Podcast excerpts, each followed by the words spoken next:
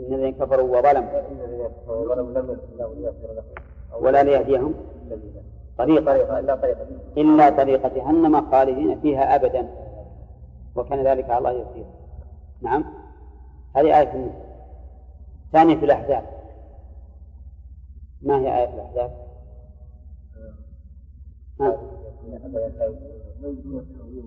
نعم. في آية الجن. نعم. فإن فإن له نار جهنم خالدين فيها أبدا. فإذا قال قائل إن التأبيد هنا لخلود قلنا لا خلود لا تأبيد لخلود إلا والمكان خالد فيه. ها؟ يكون مؤبدا. إذا تأبد الخلود فإن مكان الخلد يكون مؤبدا بالضرورة. ولهذا الصواب المقطوع به أن النار أبدية. نعم. طيب. ومن فوائد الآية الكريمة أن الله تعالى لا يظلم أحدا. لقوله بما كنتم تعملون. ومن فوائدها أن الجزاء من جنس العمل.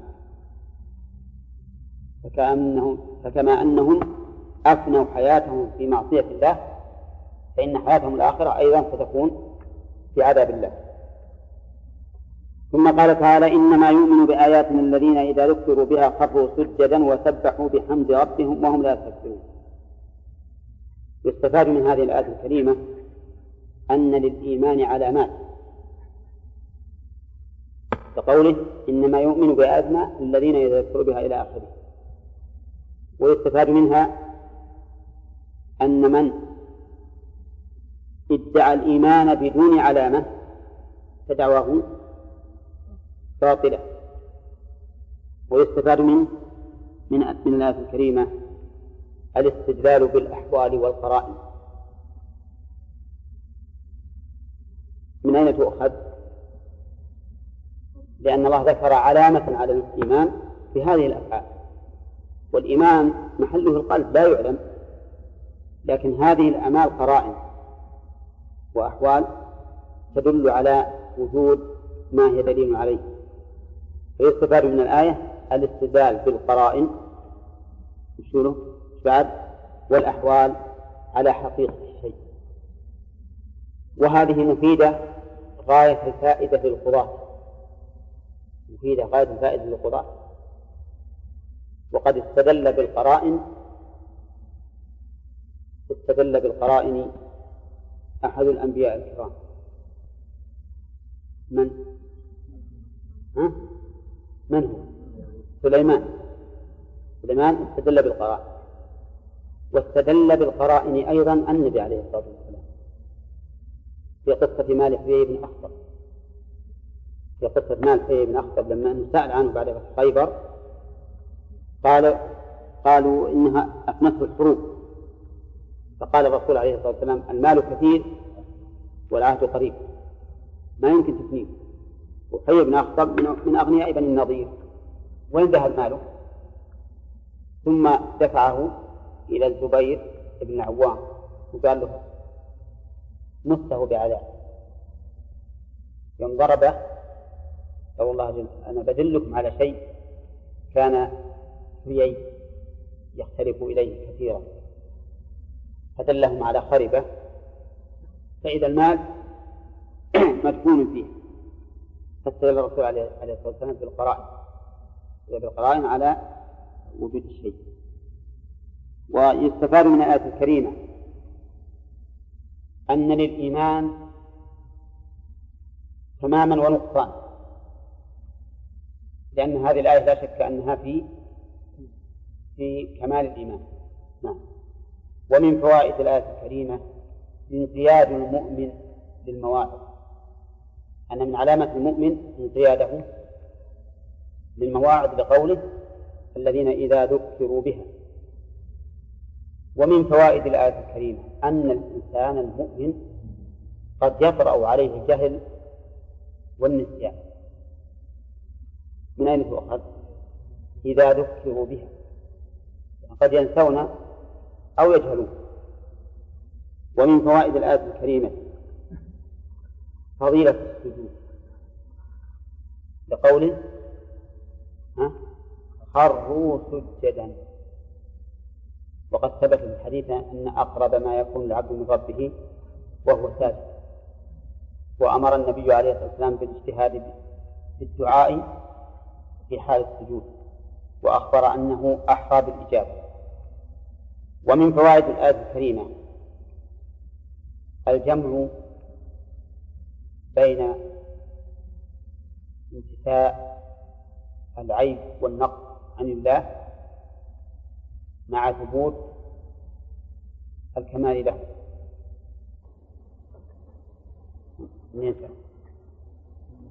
ها؟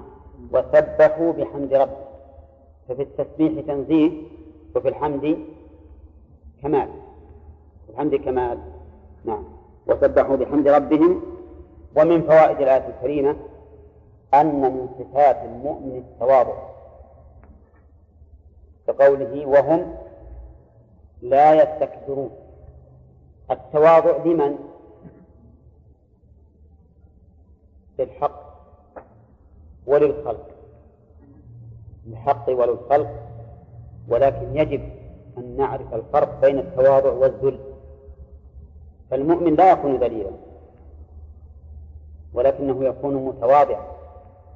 إذا تبين له الحق انقاد له. هذا هذا تواضع للحق. وإذا عامل الخلق عاملهم بماذا؟ بالتواضع لكن ما يذل نفسه. ولا يستكبر على الناس ولا يغمط الناس حقهم ولكنه لا يذل له. ويستفاد من هذه الآية الكريمة أن التقليد أو أن التعصب في التقليد ليس من طريق المؤمنين لقوله وهم لا يستكبرون. ويوجد في المتعصبين بالتقليد يوجد فيهم من؟ يستكبر عن الحق إذا عرض عليه إذا عرض عليه أبى ضرب قول فلان كذا وكذا. من مقلدين وهذا نوع من الاستكبار عن الحق.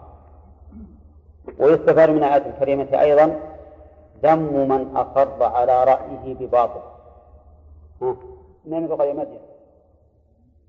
من أين تؤخذ؟ وهم لا يستكبرون. من الناس من إذا قال قولا لا يمكن أن يتنازل عنه ولو بان الحق. وهذا نوع ها؟ نوع من الاستكبار. الواجب أن تعرف نفسك وأنك بشر وأنه يفوتك العلم إما نسيانا وإما جهلا. نعم؟ ويفوتك أيضا الوصول إلى الغاية. قد يكون عندك علم لكن ينقصك التفكير والتأمل والجمع بين الأدلة وما أشبه ذلك فتحتاج إلى أن تذكر. نعم. ومن فوائد ثم قال تعالى فتجافى جنوبهم عن المضاجع إلى آخره. يستفاد من هذه الآية فضيلة قيام الليل. لأن الله تعالى ذكره في سياق المدح تجافى جنوبهم عن المضاجع. لكن هذا الإطلاق مقيد. ها؟ بماذا يعني؟ بما جاء في السنة يعني بأن لا يكون جميعا الليل. وتتجافى جنوبهم عن المضاجع في حدود ما جاءت به السنة.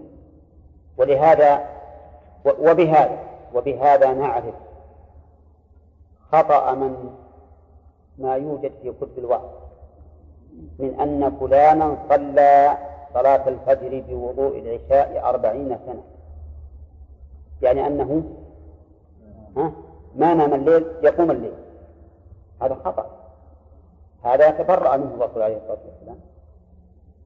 فقالت الجماعة الذين قال أحدهم أنا أقوم الليل ولا أنام؟ قال أما أنا فأقوم وأنام. ومن رغب عن سنتي فليس مني. لكن مشكل. هؤلاء الوعاظ الذين يكتبون هذه الكتب يريدون أن يرغبوا الناس لكن يرغبوهم في الباطل. ولو أن الناس اقتصر لهم بما صح عن رسول الله عليه الصلاة والسلام من التبشير والإنذار ومن الأعمال الصالحة لاستقاموا لكن عندما أسمع هذا رجل يثنى عليه من أربعين سنة صلى الفجر في وضوء العشاء أقول ما أنا وين أين أنا من هذا؟ خلاص خلص أبقى على ما أنا عليه وأصلي سنة العشاء ركعتين والوتر أقله ركعة أصلي ركعة ولا يجب إلا قراءة الفاتحة أقتصر على الفاتحة ولا يجب إلا رب العالمين مرة في السجود رب العالمين مرة في الركوع أقتصر عليها أيضا ويمشي. لكن لو أن الناس بينتهم السنة حقا لكفى بها واحد نعم. ومن فوائد الآية الكريمة فضيلة الدعاء بقوله يدعون ربهم. ومن فوائدها أنه ينبغي للداعي وللعامل أيضا. للداعي والعامل العابد أن يكون دعاؤه وعبادته بين الخوف ها والرجع بقوله ها خوفا وطمعا. ومن فوائد الآية الكريمة فضيلة الإنفاق مما رزقك الله لقوله ها ومما رزقناهم ينفقون على حسب التفصيل الذي ذكرناه في التفصيل. ثم قال تعالى فلا تعلم نفس ما أخفي لهم من قرة أعين جزاء بما كانوا يعملون. في هذه الآية دليل على عظم نعيم الجنة. من أين يؤخذ؟ من قوله فلا تعلم نفس ما أخفي لهم من قرة أعين. لأن هذا لا شك أن الإبهام يدل على التفخيم كما قلنا التفخيم ومن فوائد الآية الكريمة أن في الجنة من قرة العين في المأكول والملبوس والمنكوح والمسكن ما لا يخطر على البال. لأن كل هذه الأربعة تقر بها العين. قال الشاعر ولبس عباءة وتقر عيني أحب إلي من لبس الشفوف. نعم. ومن فوائد الآية الكريمة فضل الله عز وجل على العباد على المؤمنين. فضله السابق واللاحق. السابق أن وفقهم للإيمان والعمل الصالح. واللاحق أن جعل أن جعل هذا الجزاء على عمله. جعله على عمله. جزاء بما كانوا يعملون. كأن كأن هذا هذه النعم التي في الجنة كأنها جزاء على عمل لهم بل هي حقيقة جزاء على عمل لهم لكن فيه أن الفضل من الله عز وجل عليهم كأنه فضل منهم على أنفسهم. كقوله جزاء بما كانوا يعملون. مثل قوله هل جزاء الإحسان؟ إلا الإحسان. إحسان العمل بإحسان الجزاء. ومثل قوله إن هذا كان لكم جزاء وكان سعيكم مشكورا. يمن عليهم بالسعي الحميد ثم يشكرهم عليه. نعم يمن عليهم هنا بالتوفيق للهداية ثم يقول أجازيكم على عملكم. وهذا لا شك أنه من تمام نعمة الله عز وجل. ثم قال تعالى أفمن كان مؤمنا كمن كان فاسقا. لا يستوون في هذه الآية تقرير أنه لا مساواة بين المؤمن ومن والكافر وأن هذا أمر لا يمكن. أفمن كان مؤمنا كمن كان فاسقا وقد قال الله تعالى في آية أخرى أفنجعل المسلمين كالمجرمين؟ ما لكم؟ كيف تحكمون هذا من السفه ومن الخطأ في الحكم. أن نجعل أن يجعل المسلم كالمجرم أو الفاسق ها كالمؤمن. أفمن كان مؤمنا كمن كان فاسقا. ومن فوائد الآية الكريمة أن المؤمن خير من الفاسق ولو كان الفاسق أعظم جاها في الدنيا عند الخلق. من من العموم أفمن من هذه؟ اسم استفهام وأسماء الاستفهام من صيغ العموم. لا يمكن لأي فاسق أن يكون كالمؤمن. ولو عظمت به الدنيا ولو نال من الدنيا ما ينال فإنه ليس كالمؤمن. كما لا يستوون. انتهى الكلام هذا. ثم قال تعالى أما الذين آمنوا وعملوا الصالحات فلهم جنات مأوى نزلا بما كانوا يعملون وأما الذين فسقوا فمأواهم النار يستفاد من الآية الكريمة أن المؤمن لا يساوي الكافر لا في عمله ولا في جزائه. نعم. أما العمل فضائل. هذا مؤمن وهذا كافر وأما الجزاء فبين الله الفرق الذين آمنوا وعملوا الصالحات لهم جنات المأوى. وأولئك مأواهم النار. وفرق بين هذا وهذا. ومن فوائد الآية الكريمة أن الإيمان لا يتم إلا بالعمل الصالح. لقوله فأما الذين آمنوا وعملوا الصالحات فلا يكفي مجرد العقيدة بل لا بد من عمل صالح.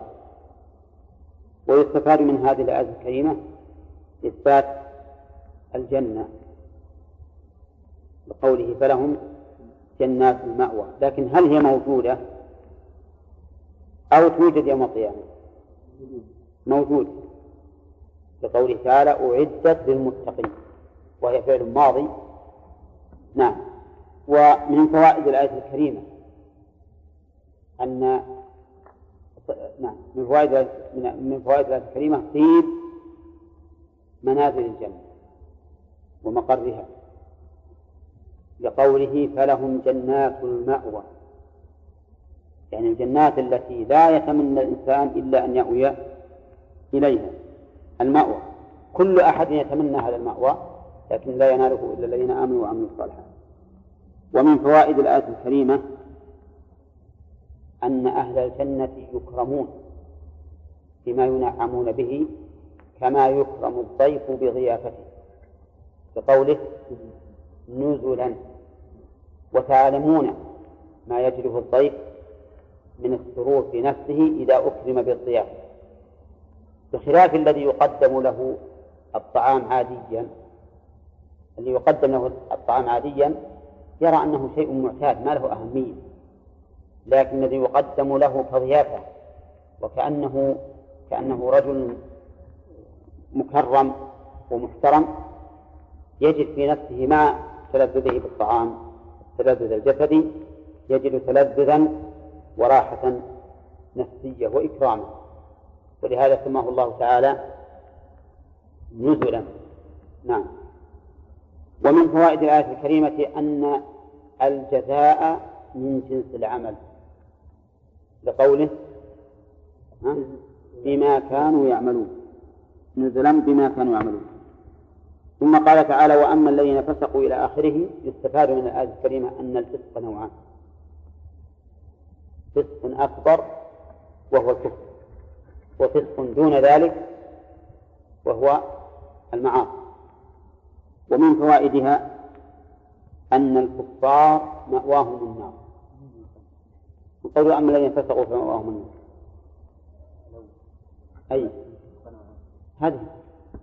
هناك فسق آخر ليس مخرجا عن المثل. مثل قوله تعالى ولا تنابذوا بالألقاب بئس الاسم الفسوق بعد الإيمان. نعم. هنا آه هنا قال فمأواهم النار ولم يقل فلهم النار مأوى. أو فلهم نار المأوى الفرق لأن النار ما كل أحد كل أحد لا يحب أن تكون مأواه. بخلاف الأول الجنة كل يحب أن تكون هي المأوى. وأما هذا فلا. نعم. وإن كان هذا الفرق قد يختلف في بعض الآيات مثل فأما من طغى وآثر الحياة الدنيا فإن الجحيم هي المأوى وأما من خاف مقام ربه ونهى النساء عن اللهو فإن الجنة هي المأوى. لكن لكل مقام مقال. هنا المسألة المقام مقام معادلة. معادلة وموازنة فلهذا فرق بينهما. قال جنات المأوى وهنا قال فمأواهم النار أما هناك فليس هناك معادلة. يعني ما ذكر أن قوما يدعون لأنفسهم منهم الحق فأنكر الله ذلك. نعم يقول ومن فوائد الآية الكريمة إثبات النار بقوله فمأواهم النار. وهي موجودة الآن ولا ستوجد يوم القيامة؟ موجودة. الدليل أعدت للكافرين. نعم. ومن فوائد الآية الكريمة شدة عذاب أهل النار بكونهم يمنون بالخروج ويرفعون. ترتفع بهم اللهب. حتى إذا ظنوا أنهم نعم. ها؟ أنهم يخرجون. أعيدوا فيها. يقول كلما أرادوا أن يخرجوا منها أعيدوا فيها. نعم. ومن فوائد الآية الكريمة أيضا أن أهل النار يجمع لهم بين العذاب الجسمي والعذاب القلبي بالتوبيخ. وقيل لهم ذوقوا عذاب النار الذي كنتم به تكذبون. ثم قال تعالى ولنذيقنهم من العذاب الأدنى دون العذاب الأكبر لعلهم يرجعون. يستفاد من الآية الكريمة بيان حكمة وجل. فيما يبتلي به من المصائب من أين تؤخذ؟ ها؟ من قوله ولنذيقنهم لعلهم يرجعون وهذا كقوله ظهر الفساد في البر والبحر بما كسبت أيدي الناس ليذيقهم بعض الذي عملوا لعلهم يرجعون ومن فوائد الآية الكريمة أن عذاب الآخرة لا ينسب إلى عذاب الدنيا آه، عذاب الدنيا لا ينسب إلى عذاب الآخرة. لما بينهما من الفرق العظيم. فهذا أدنى وذاك أكبر. يعني كلاهما في طرفي نقيض. يعني أدنى اسم تفضيل وأكبر اسم تفضيل. فإذا هل ينسب أدنى شيء إلى أعلى شيء؟ لا نسب ولهذا نقول بأن أن عذاب الدنيا الفرق العظيم بين عذاب الدنيا وعذاب الآخرة. ويستفاد من الآية الكريمة قبول التوبة من الكافر بقوله لعلهم يرجعون. ويستفاد من الآية الكريمة إثبات حكمة الله. بقوله لعلهم يرجعون فإن لعل للتعليل والتعليل هو الحكمة. ومن فوائد الآية الكريمة أيضا إثبات العذاب في الآخرة. بقوله دون العذاب الأكبر فإن المراد به عذاب الآخرة. ثم قال تعالى ومن أظلم ممن ذكر بآيات ربه ثم أعرض عنها إلى آخره. يستفاد من الآية الكريمة أن من كان على هذا الوصف فهو لا يكون أحد أظلم منه. لا يكون أحد أظلم منه. بقوله ومن أظلم. وها هنا مسألة وهي أن مثل هذه العبارة جاءت في غير هؤلاء. فقال تعالى ومن أظلم ممن منع مساجد الله أن يذكر فيها ومن أظلم ممن افترى على الله كذبا. وهنا نحتاج إلى الجمع بين هذه النصوص. وفي السنة ومن أظلم ممن ذهب يخلق كخلق. فكيف نجمع بين هذه النصوص؟ ذكرنا فيما سبق أن الجمع بأحد وجهين. الوجه الأول أن نقول إن الآية ومن أظلم.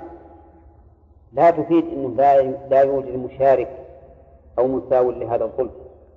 فإننا نقول ومن أظلم ممن ومن أظلم ممن.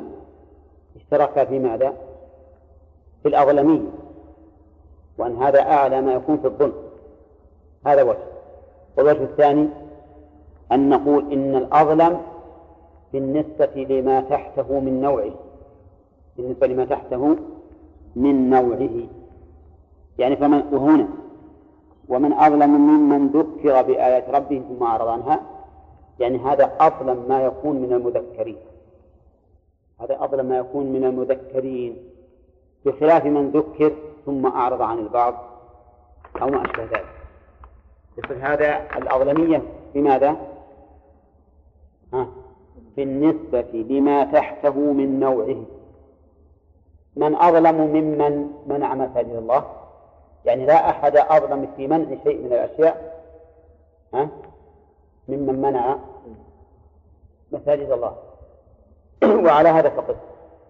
فصار الجواب بأحد وجهين. ها؟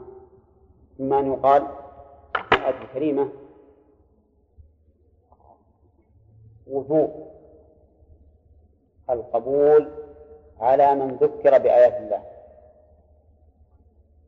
من ناخذه؟ من النعم من الوعيد الإعراب الإعراب. ومن فوائد الآية الكريمة أن الإنسان يجب أن يقبل التذكير من أي من ذكره. من ها؟ لا. من بناء الفعل المجهول. ذكر. ما قال ممن ذكره الرسول؟ أو ذكره فلان أو فلان. إذا وقع التذكير أو أتاك التذكير من أي جهة فالواجب عليك القبول. ومن فوائد الآية الكريمة أن الإعراض بعد العلم أقبح منه حال الجهل. أولا لأن الرسول لأن الله تعالى جعل جعل هذا أعظم الظلم أن تذكر ثم تعرض. لكن من أعرض بدون تذكير فهو أهون. ومن فوائد الآية الكريمة أن الجزاء من جنس العمل لقوله إنا من المجرمين منتقمون. ومن آية من فوائدها أن الإعراض عن آيات الله بعد التفكير بها إيش؟ إجرام. لقوله إنا من المسلمين ومن فوائد الآية الكريمة جواز إضافة الانتقام إلى الله مقيدا. لقوله إنا من المجرمين منتقمون. يعني الإخبار عن الله بأنه منتقم لكن مقيدا بقوله إنا من المجرمين منتقمون. ومن فوائدها إثبات عظمة الله. لقوله منتقمون. فإن الجمع هنا للتعظيم. ومن فوائد الآية الكريمة بلاغة القرآن. وأنه في أعلى ما يكون من البلاغة والخطاب. لقوله ها؟ إنا من المجرمين. ولم يقل إنا منه. من أجل أن نستفيد فائدتين الفائدة الأولى أن هذا مجرم والفائدة الثانية أن الحكم يعمه وغيره من المجرمين. ثم قال تعالى ولقد آتينا موسى الكتاب إلى آخره يستفاد من هذه الآية الكريمة إثبات رسالة موسى. ولقد آتينا موسى الكتاب. وتأكيد هذه الرسالة. ها؟ كقوله ولقد آتينا لأن الجملة مؤكدة بثلاث مؤكدات. اللام وقد والقسم المقدر والقسم المقدر. ومن فوائدها أن موسى عليه الصلاة والسلام رسول حقا لا يجوز الشك فيه. لقوله فلا تكن في مرية من لقائه. يعني أن هذا حق. لا تكن في شك من أنه حصل لموسى هذا الذي حصل. وهذا على التفسير الذي ذكرنا أما على ما قاله المؤلف فيستفاد منه أن محمدا صلى الله عليه وسلم سوف يلاقي موسى ومن فوائد الآية الكريمة أن التوراة كالقرآن هدى كقوله وجعلناه هدى لكن هداية مخصوصة لمن؟ لبني إسرائيل وجعلناه هدى لبني إسرائيل ومن فوائد الآية الكريمة الإشارة إلى أنه لا ينبغي لنا أن نطلب الهدى من التوراة. ها؟ من الناس كقوله لبني إسرائيل هدى لبني إسرائيل. أما من بعد بعثة الرسول فالهدى لهم هو القرآن. نعم. نعم. ثم قال تعالى وجعلنا منهم أئمة يهدون بأمرنا لما صبروا وكانوا بآياتنا يوقنون. نعم. وجعلناهم أئمة إلى آخره. يستفاد من هذه الآية الكريمة فضيلة الصبر. منين نأخذ فضيلة الصبر؟ نعم من الجزاء عليه. من كون الصابر يكون إماما وهذا دليل على أن الصبر محبوب إلى الله يجازي عليه بهذه بهذا الجزاء العظيم.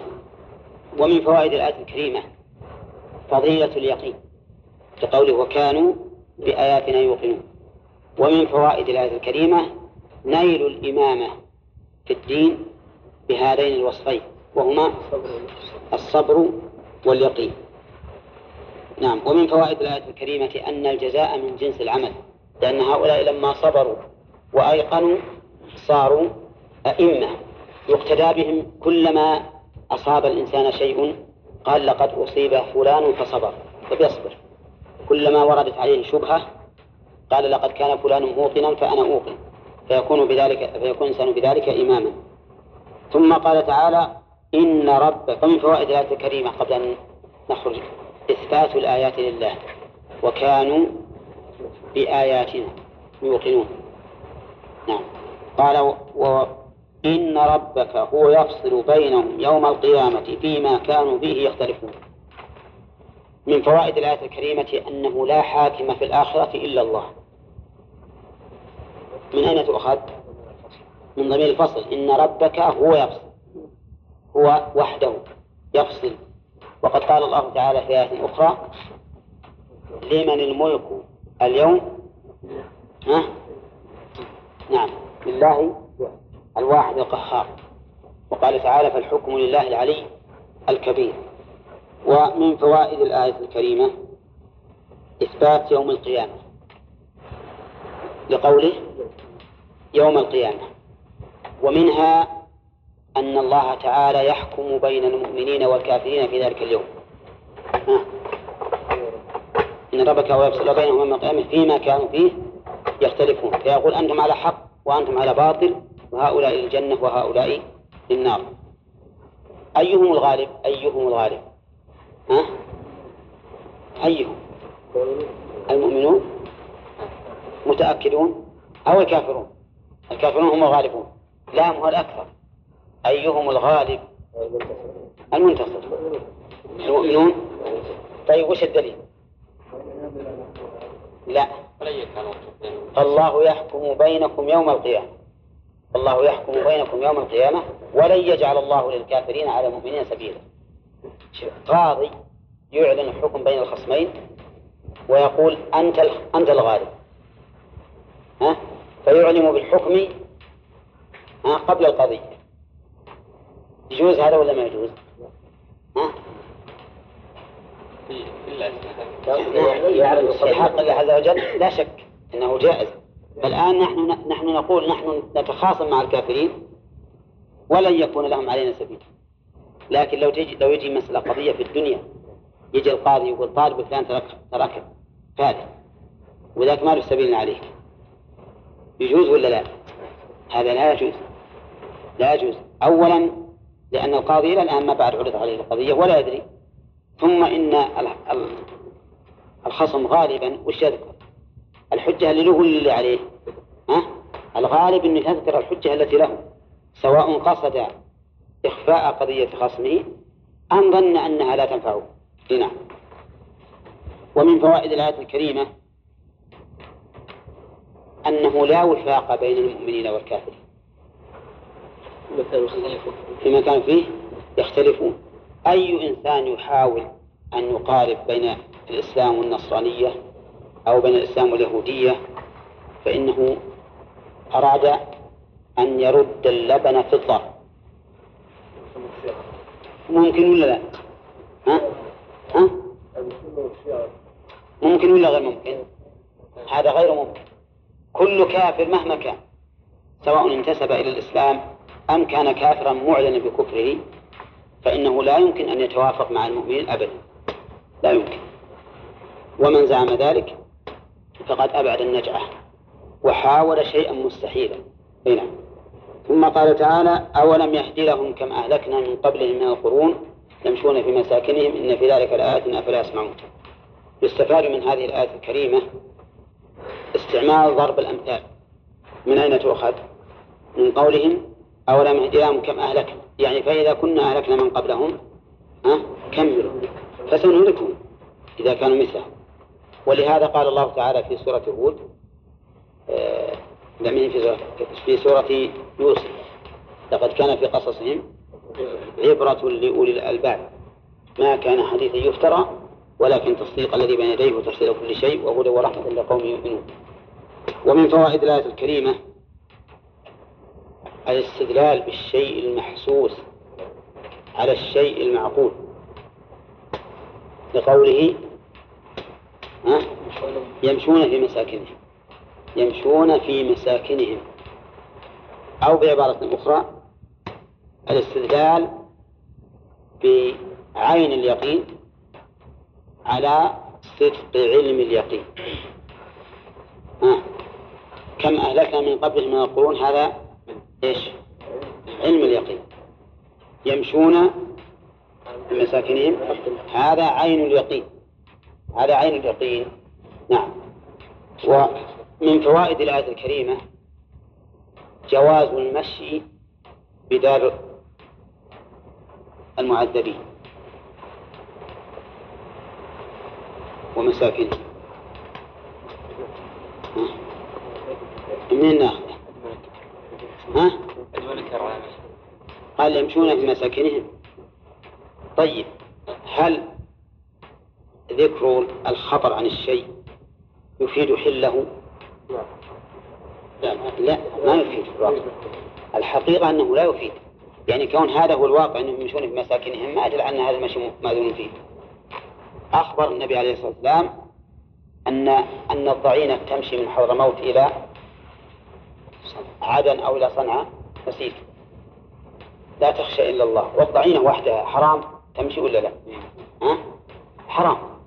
وقال رسول الله تركبن سنن من كان قبلكم اليهود والنصارى وهذا حرام ولا حلال؟ حرام. فالإخبار عن كونهم يمشون في مساكنهم ما يدل على أن المشي حلال. لكن هل يدل على أنه حرام؟ لا يدل على أنه حرام. لا على أنه حلال ولا على أنه حرام. فنرجع إذن إلى الأدلة الدالة على ذلك على التحريم والتحريم. نجد أن الأدلة تدل على أن السير فيها جائز. وأما السكنى فلا تجوز. ومع ذلك وقد قال الرسول عليه الصلاة والسلام لا تدخلوا على هؤلاء المعذبين إلا أن تكونوا باكين. فإن لم تكونوا باكين فلا تدخلوا. واضح؟ فالإنسان اللي يقصدها نقول لا تدخلها إلا باكين. وأما الذي يمر بها مرورا فله أن يمر ولكن يسرع. كما أسرع النبي عليه الصلاة والسلام. أما الذهاب إلى هذه المساكن من أجل أن يتفرج يقول ما شاء الله والله حضارة عظيمة هذه. شوف الحضارة القديمة هل يوجد حضارة الجديدة مثلها؟ نعم. و ويشم من كلامه تعظيم هؤلاء. فهذا من السير في الأرض المأمور به. توافقون؟ ها؟ لا لا نوافق هذا من هذا من السير في الأرض المنهي عنه. المنهي عنه. لأن كون ندخل على هؤلاء نتفرج منبسطين منبهرين بقوتهم متناسين ما وقع بهم من العذاب لمخالفتهم أمر الله ورسله هذا مذموم وليس محمولا ولا مأمورا به. وعليه فنقول لكل من أراد أن يذهب إلى هذه هذه البلاد إذا كنتم فعلتم ذلك على سبيل؟ النزهة فهذا حرام عليه. أما على سبيل الاعتبار والاتعاظ بما جرى لهم من العذاب والنكال وأن تتأثروا بذلك حتى تبكوا فهذا جائز. وإلا فلا تبكوا لا تعرضوا أنفسكم للعذاب. نعم. شد الرحال ها؟ شد الرحال شد الرحال ما في بأس. شد الرحال لأنه مو على سبيل التعبد بهذا المكان نفسه. يقول ومن فوائد الآية الكريمة أن في إهلاك الأمم عبرة وآية لقوله إن في ذلك لآيات أفلا يسمعون فهو آية لكون الله تعالى أخذهم وأهلكهم مع قوتهم وهي عبرة أن الله أخذهم لماذا؟ لمخالفتهم كما قال الله تعالى ولم يسيروا في الأرض فانظروا كيف كان عاقبة الذين من قبلهم. كانوا أشد منهم قوة وآثارا في الأرض فأخذهم الله بذنوبهم. وقال في الآية الأخرى فما أغنى عنهم ما كانوا يكسبون. وقال في آية أخرى أشد منهم قوة وآثار الأرض وعمروها أكثر مما عمروها. كل هذا يفيد بأنه يجب علينا نحن أن نعتبر بهذه الآيات وأن نخاف. نعم. ثم قال تعالى أولم يروا أنا نسوق الماء إلى أرض الجرز إلى آخره؟ استفاد من هذه الآية الكريمة وجوب النظر في الآيات. لأن الاستفهام هنا بالتوبيخ ولوم من لم ينتفع بذلك. ومن فوائد الآية الكريمة إثبات أفعال الله الاختيارية. أن نسوق ومن فوائدها بيان قدرة الله عز وجل حيث يسوق الماء جوا أو برا إلى هذه الأراضي الخالية الميتة الهامدة فتنبت. لقوله إلى الأرض الجرز فنخرج به زرعا. ومن فوائد الآية الكريمة أن الأصل فيما نبت من في الأرض الحلم من أين يؤخذ؟ أنعامهم وأنفسهم فالأصل فيما نبت من الأرض في الأرض أنه حلال حتى يقوم دليل على التحريم ومن فوائد الآية الكريمة بيان قدرة الله عز وجل بإحياء الأرض بعد موتها آه. ونخرج به زرعا تأكل منه أنعامهم وأنفسهم ومن فوائدها الإشارة إلى أعلى درجات اليقين وهي حق اليقين. من أين تؤخذ؟ من قول تأكل منه تأكل منه أنعام فهم فهم لا ينظرون إليه فقط ولكنهم يأكلون منه. وهذا هو حق اليقين. ومن فوائد الآية الكريمة الحث على النظر والتبصر. من أين يؤخذ؟ من قوله أفلا يبصرون. ومن فوائدها إثبات الملك. الأنعام. لقوله أنعامهم الإضافة هنا إضافة ملك. ولكنه سبق لنا أن كل ملك يثبت الإنسان فهو ملكا فهو ملك فهو ملك لله لكنه ملك مقيد.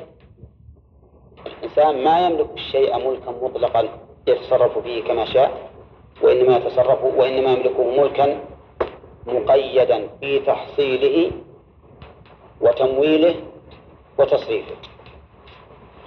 أولا مقيد في التحصيل ما تحصله إلا على الوجه المشروع وفي تمويله يعني الاتجار به وفي تصريفه ما تصرفه إلا مقيدا. فهل بعد هذا يكون الملك حقا أو حقيقيا؟ لا. إذا ملكك للأشياء حتى ملكك الخاص كالبيت والسيارة والثوب ليس ملكا مطلقا بل هو ملك مقيد. نعم. ثم قال تعالى ويقولون متى هذا الفتح إن كنتم صادقين؟ في هذا دليل على سفه هؤلاء المكذبين وحمقهم. لقولهم متى هذا الفتح إن كنتم صادقين؟ والاستفهام قلنا إنه للاستبطاء والتحدي لهؤلاء للرسول عليه الصلاة والسلام ومن ومن كان معه. ومن فوائد الآية الكريمة أن الحكم بين المؤمن والكافر من الفتح. ها؟ لأن الله قال قل يوم الفتح لا ينفع. فأقر هذه التسمية. ومن فوائد الآية بيان عتو الكافرين وإجرامهم. لكونهم يتحدون الرسول عليه الصلاة والسلام والمؤمنين يقول متى هذا الحكم بيننا؟ إن كنتم صادقين. ومن فوائد الآية التي بعدها أن العذاب إذا نزل لا ينفع الإيمان.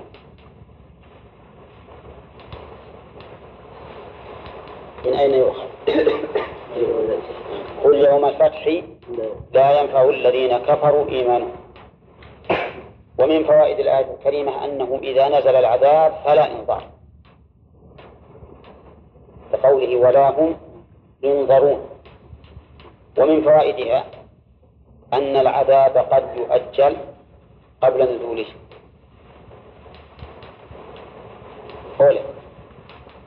نعم. لأنه يقول يوم الفتح لا ينفع. فظاهر الآية أنه لو كان هذا الإيمان قبل نزول العذاب فإن الله تعالى يرفعه بالإيمان. ولهذا أمر النبي عليه الصلاة والسلام عند الكسوف بماذا؟ بالصلاة والدعاء والاستغفار والصدقة والتكبير من أجل أن يرفع العذاب الذي هذا إنذار به. فإن الكسوف إنذار بالعذاب. هو نفسه ليس عذابا. لكنه إنذار بأن يعذب الخلق. فإذا فزعوا إلى الصلاة وإلى الذكر والدعاء والاستغفار رفع عنهم. نعم. ومن فوائد الآية الكريمة لا ذكرنا أنه لا ينفع الإيمان بعد بعد نزول العذاب. ها؟ ثم قال تعالى فأعرض عنهم وانتظر إنهم منتظرون. يستفاد من الآية الكريمة أن المكابر يعرض عنه ويترك حتى ينزل به العذاب. فإذا رأيت من يكابر تأمر بالحق ولكن يكابر ويجادل ويعاند فاترك لأن بقاءك معه لا يجدي شيئا. فالإنسان المكابر الذي يقول هذه ليست بشمس ولكن هذا قمر. يقول لو الآن نحن في النهار في الضحى وشوف الشمس. قال لا أنت غلطان. نحن الآن بعد صلاة العشاء. وهذا الذي ترى إنما هو القمر. تتكلم معه؟ ها؟ أبدا. تطلب من يقرأ عليه أو من يداويه لأنه مجنون. كذلك من تريه الحق مثل الشمس والحق أبين من الشمس. نعم. ثم يقول لا هذا غير صحيح. فإن هذا ينبغي أن يطلب له من يداوي عقله قبل فكره. هذا مكابر ما في فائدة الكلام معه.